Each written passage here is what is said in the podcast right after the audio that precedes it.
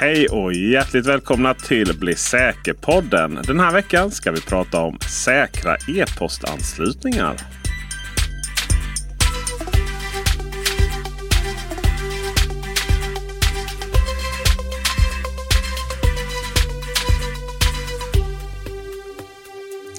Det stämmer, för eh, vi har ju i de två tidigare avsnitten pratat om säkra anslutningar på webben. Men internet är ju så mycket mer än webben. Och när det gäller just e-postanslutningar, då är vi faktiskt långt, långt efter säkerhetsmässigt jämfört med hur det är på webben, alltså i er webbläsare. Så det kommer vi till i veckans huvudämne, men först har vi lite snabbisar och vi inleder som vanligt med den väldigt viktiga informationen om att det här avsnittet är inspelat när då, Peter? Den 19 oktober för sändning den 20 oktober i ett ekonomiskt oberoende samarbete mellan Nika Systems och Bredband2. Vi ska börja prata om någonting så oerhört hemskt som att Signal inte längre är säkert. Ja, bab, bab. Du, du, du, du provocerar mig Peter. Absolut, Ja. jag kände det. Det är en sån morgon idag. Ja. För eh, det har ju då handlar om ett rykte mer än kanske en, eh, någon form av sanning här. Ja. Eller vad säger du Karl Melika? Ja, det, det var nämligen som så här att i under helgen, då började det spridas ett rykte om att det fanns en allvarlig sårbarhet i meddelandeappen Signal. Och eh, det var många som eh, skrev uppmaningar om att eh, stänga av förhandsvisning så att du inte blir infekterad via den här nolldagars sårbarheten. Men jag la alltså flera timmar på att försöka hitta vad i hela friden är det här? För att det fanns inte någon som hänvisade till någon faktisk information, utan det var bara lösryckta påståenden som jag inte ens liksom kunde tracka tillbaka till. Vem var det som sa det här från första början? Vem är det som har hävdat det här? Och flera av eh, mina vänner i säkerhetsbranschen satt också och försökte hitta varifrån kommer det här påståendet och kan det ligga någon sanning i det? Sen på måndagen, då gick Signal ut med information. Och så det, det är egentligen tragiskt att de ska behöva bemöta rykten, men i och med att det här ryktet verkligen fick fart så gick Signal ut med ett meddelande på X, tidigare kallat Twitter, där de skrev så här, citat på engelska. Public Service Announcement. We have seen the vague viral reports alleging a Signal zero day vulnerability. After responsible investigation, we have no evidence that suggests this vulnerability is real, nor has any additional information been shared via our official reporting channels. We also checked with people across US government since the copy paste report claimed USG as a source. Those we spoke to have no information suggesting this is a valid claim. We take reports to security at signal.org very seriously and invite those with real information to share it there. Slutcitat.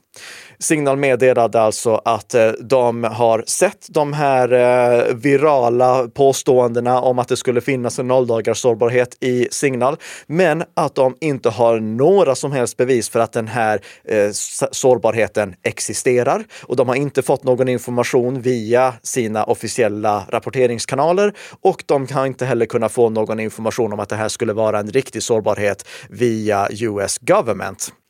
Så det här är med allra högsta sannolikhet bara ren desinformation. Alltså, nej, eh, eh, eh, jag- skulle nog inte ens säga desinformation. Jag skulle nog vilja säga att det här är ett försök till misskreditering av Signal. Och vi har sett det tidigare, att det har skett misskrediteringsattacker där någon försöker undergräva förtroendet som folk har för Signal för att folk ska byta till andra mindre säkra meddelandeappar.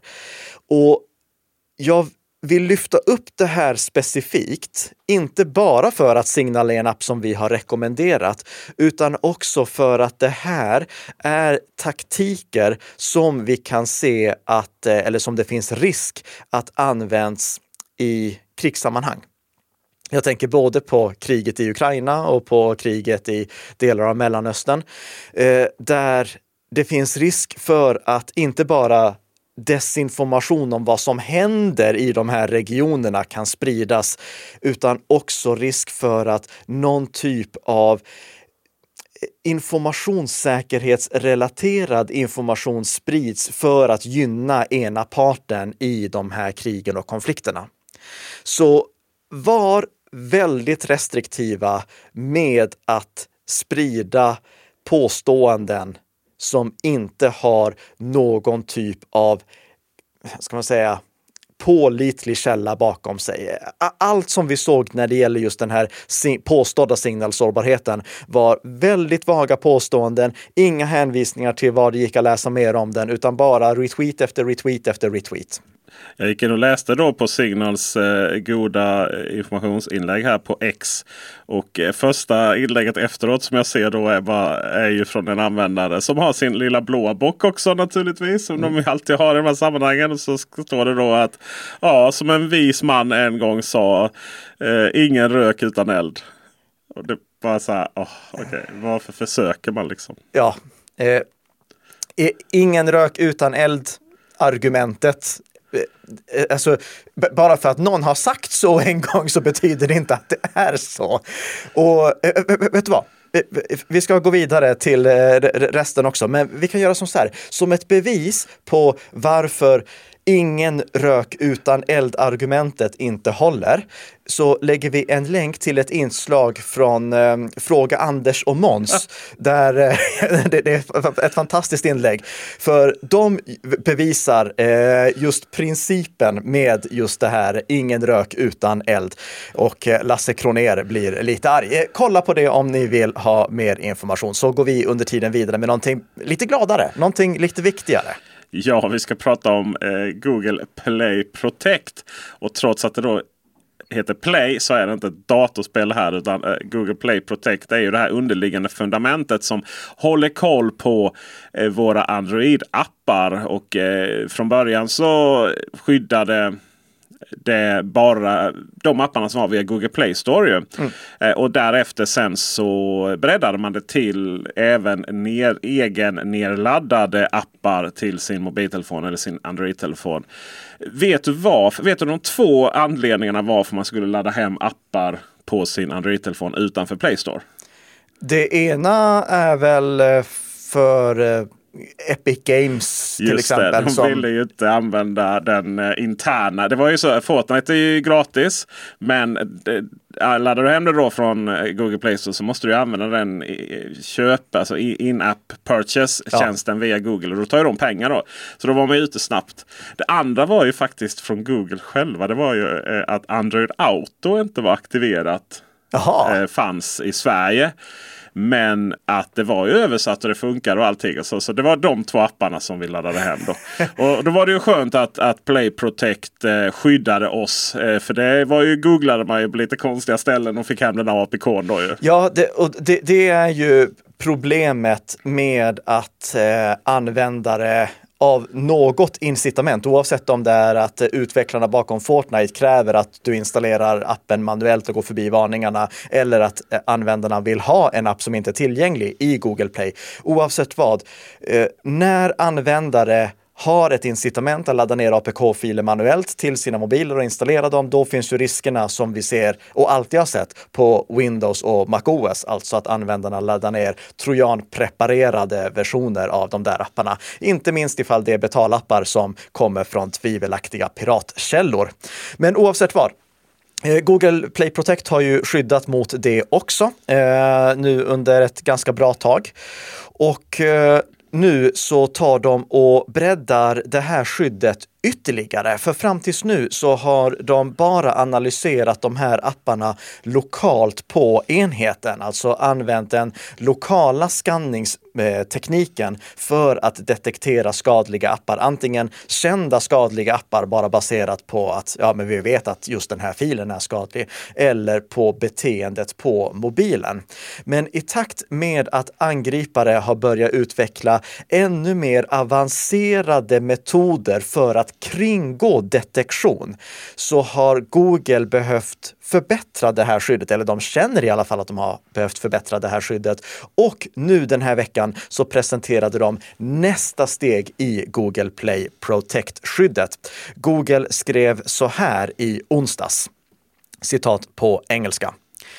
Today, we are making Google Play Protect's security capabilities even more powerful with real time scanning at the code level to combat novel malicious apps. Google Play Protect will now recommend a real time scan when installing apps that have never been scanned before to help detect emerging threats.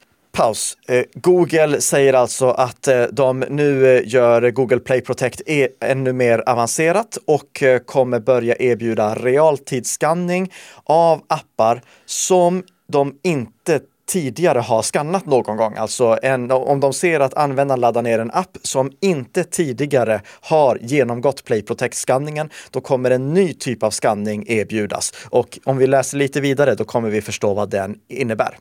Fortsättning. Scanning will extract important signals from the app and send them to the Play Protect backend infrastructure for code level evaluation. Once the real-time analysis is complete, users will get a result letting them know if the app looks safe to install or if the scan determined that the app is potentially harmful.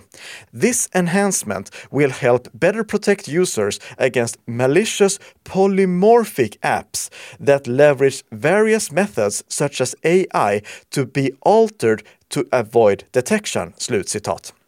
Google säger här alltså att när en sån här okänd app dyker upp, då kommer Google uppmana användaren att realtidsskanna den, inte lokalt på enheten, uteslutande i alla fall, utan också i Googles moln. Och jag brukar ju vara kritisk för att skicka saker till molnet, men notera, här handlar det inte om att skicka användardata till molnet, utan att skicka kod till molnet, att skicka en del av en applikation. Så det är inte problematiskt ur ett eh, integritetsperspektiv. Och det finns en stor fördel med att göra en sån här skanning på molnsidan, för det finns ju en begränsning i hur mycket information du kan spara på en mobiltelefon för för att kunna detektera skadeprogram. vi vill inte ha mobiltelefoner med oändlig lagring bara för att kunna ha alla olika typer av signaturer och detektionsmetoder på mobilen, utan de gör en skanning i molnet för att kunna detektera det de då kallar polymorphic apps. Och vad är det? Jo, det är applikationer som förändrar sitt beteende i samband med exekveringen.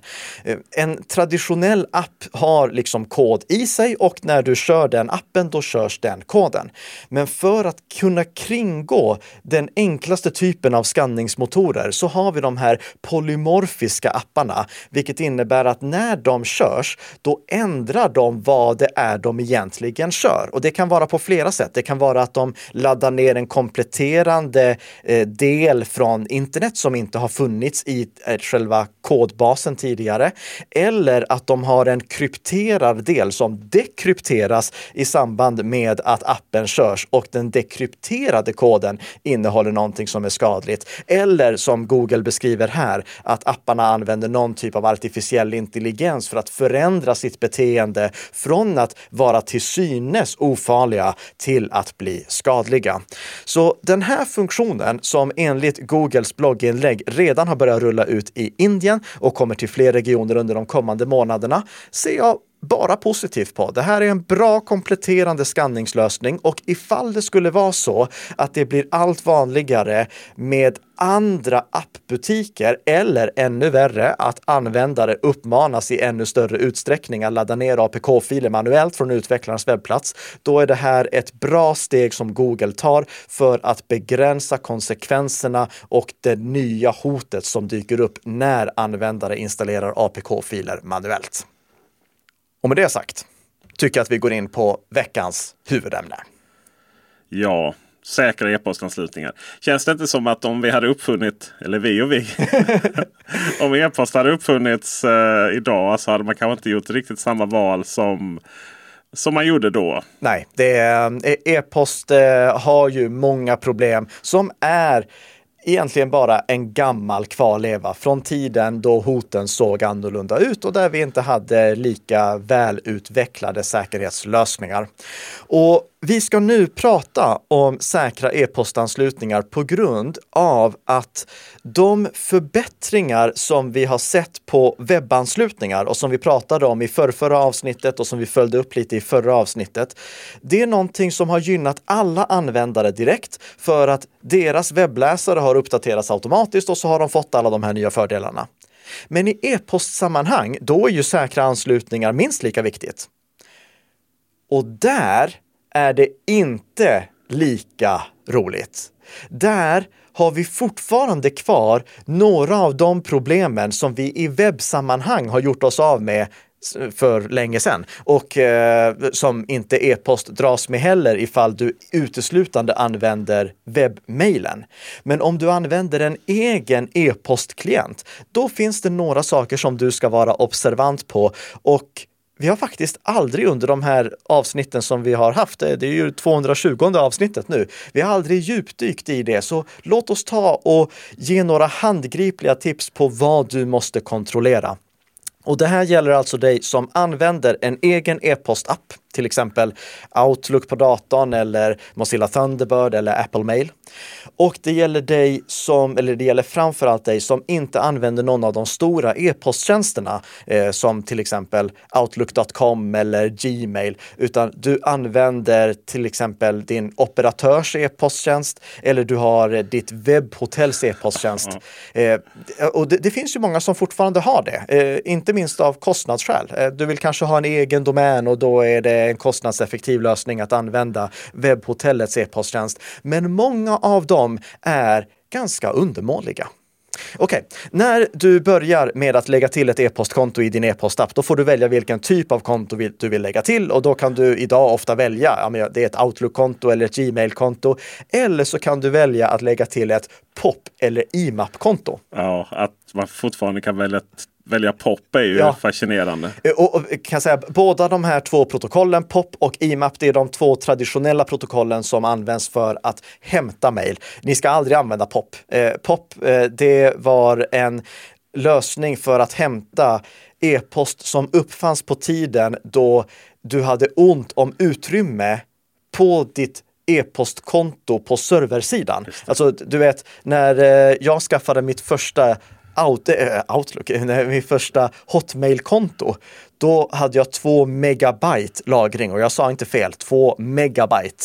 Det är helt galet. Och då behövde du ha POP så att du kunde ladda ner mejlen så att de inte låg kvar på eh, ditt eh, Hotmail-kontos server och tog upp en massa plats där.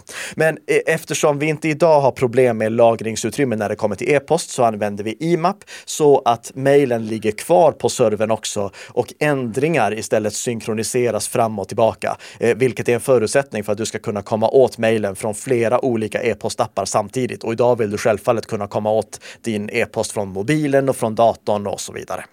Men oavsett om du använder POP eller IMAP och POP använder du inte, så, eh, så behöver du tänka på hur du krypterar trafiken mellan e-postappen på din dator och e-postservern som tar emot dina mejl. Och det har du ofta tre olika alternativ att välja på. Du får tre alternativ i en liten sån här rullgardinsmeny. Och det brukar vara ingen kryptering, start TLS-kryptering eller TLS-kryptering, ibland kallat SSL-kryptering eller SSL slash TLS-kryptering. Och det, det syftar på samma sak. TLS är uppföljaren till SSL och av någon anledning så används uttrycket SSL trots att tekniken SSL har ersatts helt och hållet av TLS. Men i, i det här sammanhanget då syftar det på samma sak oavsett om det står SSL eller om det står TLS. Och det är det du ska använda. Du ska definitivt inte använda ingen kryptering alls, för det innebär i så fall att både mejlen du tar emot och användarnamnet och lösenordet som du använder för att autentisera dig skickas i klartext. Så, så, att eh, vem som helst som avlyssnar nätverket kan se lösenordet och mejlen i klartext. Alltså, eh, det, det har funnits, det kanske finns fortfarande, men det har i alla fall funnits e-posttjänster som eh, stödde krypterade lösenord för inloggning, men sen skickade mejlen över okrypterade anslutningar. Det, eh, det, det enda du ska välja, det är TLS. Det var en enkel rekommendation. An, annars byt. ja. Eh, och Start TLS då? Eh, varför ska du inte använda det? Jo, för Start TLS är det vi kallar opportunistisk kryptering. Det är kryptering om möjlighet ges.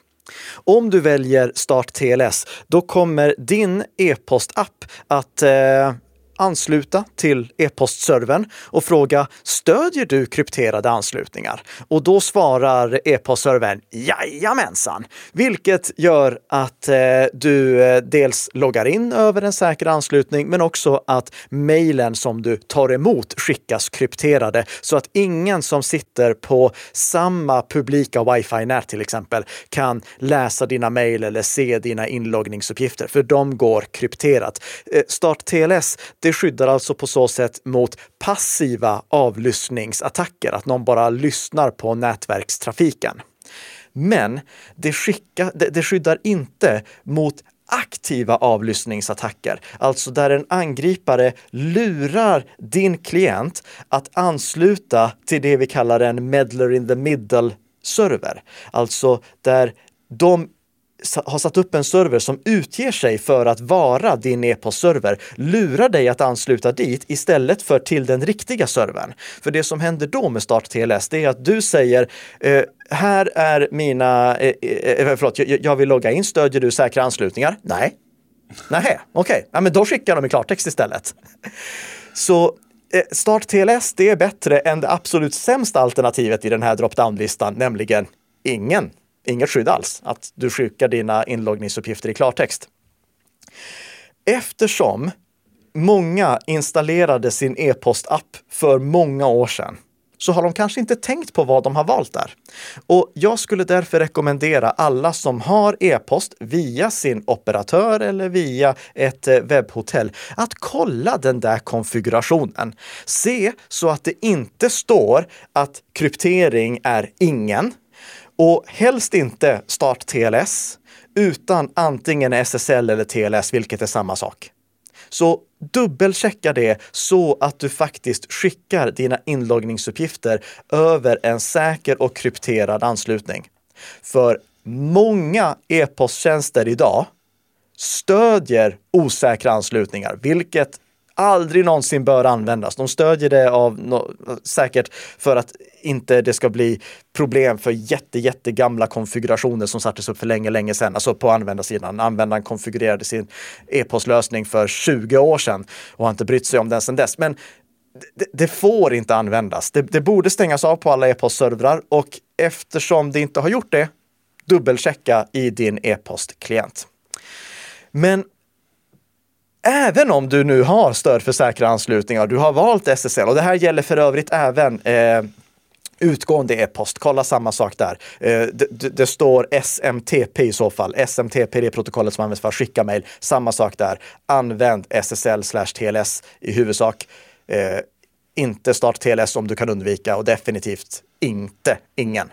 Eh, kan även nämna här att om du byter från start TLS till SSL TLS så kan du behöva byta portnummer.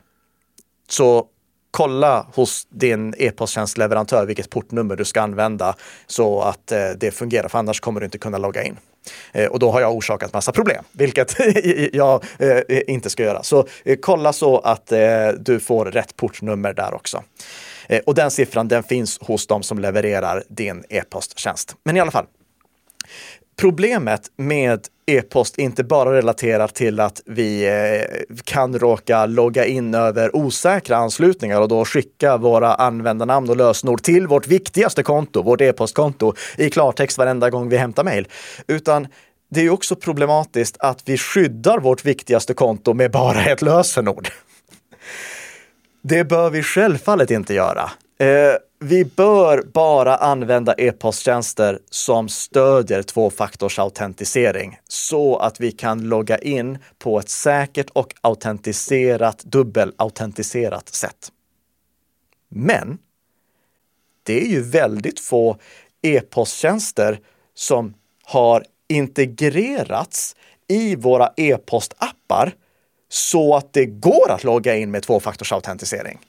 För om vi kollar på de här stora, eh, Outlook.com och eh, Gmail, där går det att logga in på konton som skyddas med tvåfaktorsautentisering. Men det är tack vare att de som har utvecklat de här apparna, till exempel då eh, Outlook på datorn och Apple Mail, de har lagt in stöd för just det sättet som de e-posttjänsterna vill att du ska autentisera dig. Det är därför vi får upp en Google-inloggningsruta i Exakt. Apple Mail exempelvis. Exakt. Och det är ju helt omöjligt för de som utvecklar de här e-postapparna att lägga till stöd för alla olika inloggningsmetoder som hela världens e-posttjänster använder. Och därför så kommer det ett problem när du har aktiverat tvåfaktorsautentisering på ditt e-postkonto, nämligen att du kan bara ange ett användarnamn och ett lösenord, inte någon tvåfaktorsautentiserings engångskod. Hur löses det? Jo, det löser vi med ett applösenord. Och det här är det inte heller alla e-posttjänster som stödjer. Men om din e-posttjänst stödjer det, då kan du generera ett applösenord, vilket är ett unikt lösenord som du enbart använder för just den appen. Och det kan ju låta som, vänta här nu, säger du då att det plötsligt finns två lösenord att logga in med till mitt konto? Ja, det är precis det jag säger. För då har du ett vanligt lösenord som du loggar in med till webbmailen i kombination med din tvåfaktorsautentiserings engångskod. Och sen ett applösenord, ett applösenord per e-postapp du har lagt till det e-postkontot i, som du använder bara för att logga in genom den appen med. Som jag har letat efter applösenordet till att, att skapa applösenordet till iCloud för Windows Mail. Mm. Jag, har letat, jag, alltså jag kan hela iCloud.com utan och innan. Det visar ju sig att du skapar inte det via iCloud.com utan du skapar det via Apples, eh, Apples eh, Apple ID-hantering. Eh, så att du, du skapar inte applösenordet för e-posten via liksom e-posttjänsten. Utan då är det en annan Apple-tjänst du då ska skapa det här applösenordet för. För att kunna lägga in då på Windows Mail då, som inte stödjer liksom någon annan ja. eh, autentisering av, av Apples mail. Vi lägger till en länk i våra show notes för det där visste jag faktiskt inte. Men då undrar kanske vän av ordning, är ett applösenord verkligen säkrare än ett vanligt lösenord? Och svaret på den frågan är ja. Det är av flera skäl. Eh, första skälet är att när du skapar ditt användarnamn och lösenord på en e-posttjänst, Peter, då väljer du ju ditt, eller förlåt, du gör inte, du klickar på generera lösenord i din lösenordshanterare. Men en vanlig användare kan riskera att välja ett dåligt, ett svagt lösenord. Den risken finns inte när det gäller applösenord. För applösenord, de genereras alltid av servern. Där säger servern bara Okej, okay, du vill logga in i en ny app. Här har jag genererat ett lösenord åt dig. Du får inte ändra det. Take it or leave it. Och så får användaren helt enkelt kopiera och klistra in det. Men det gör inget att det lösenordet är långt och krångligt, för användaren behöver bara göra det en gång. Nästa gång användaren vill lägga till en ny e-postapp, då kommer användaren inte leta upp det där lösenordet någonstans. Det går inte ens att leta upp på serversidan. Det finns inte i klartext där någonstans, utan då kommer användaren helt enkelt få generera ett nytt applösenord. Det, det är så användaren får lägga till en ny e-postapp för att hantera det e-postkontot. Det gör att vi vet att applösenorden är säkra, det är starka lösenord. Därutöver så finns inte risken för att de nätfiskeläcker i samma utsträckning. Problemet med osäkra anslutningar som vi pratade om först, det kvarstår. Men nätfiskerisken, den minimeras eftersom när användaren loggar in på en, eh, via eh, webbgränssnittet, då skriver ju användaren in sitt vanliga användarnamn, sitt vanliga lösenord och sin tvåfaktorsautentiseringsengångskod. Och där kommer ju användaren bara skriva in det egenvalda lösenordet, det vill säga det lösenordet som är säkert tack vare att det kombineras med tvåfaktorsautentiseringsengångskoden. Användaren kommer aldrig skriva in ett applösenord på en sån sida, så om användaren luras att gå till en falsk inloggningssida, då kommer användaren aldrig skriva in applösenordet. Och för det tredje, det finns inte heller någon risk att användaren återanvänder ett osäkert lösenord. För, eller ett läckt lösenord ska jag snarare säga. För det, det genereras ju ett nytt applösenord för varje app som användaren vill använda. Och eftersom användaren inte själv kan välja vilket lösenord som ska användas i det sammanhanget så kommer det alltid vara ett nytt, starkt och unikt lösenord. Så även om applösenord gör att det plötsligt finns två eller tre eller fyra lösenord för att logga in på det e-postkontot så är det fortfarande säkert. Någonting som däremot inte är säkert, som jag blev väldigt besviken på, det var när jag testade bland annat mailbox.org och eh, iSwarp. För då upptäckte jag att där gick det att aktivera tvåfaktorsautentisering. Men de hade inte löst eh, problemet med att möjliggöra inloggning på tvåfaktorsautentiseringsskyddade konton via eh, IMAP och SMTP genom att låta användaren generera applösenord, vilket är den rätta metoden. De hade helt enkelt valt att bara skydda webbgränssnittet med tvåfaktorsautentisering. Så användaren kunde logga in utan någonting annat. Om användaren loggade in via en e-postapp.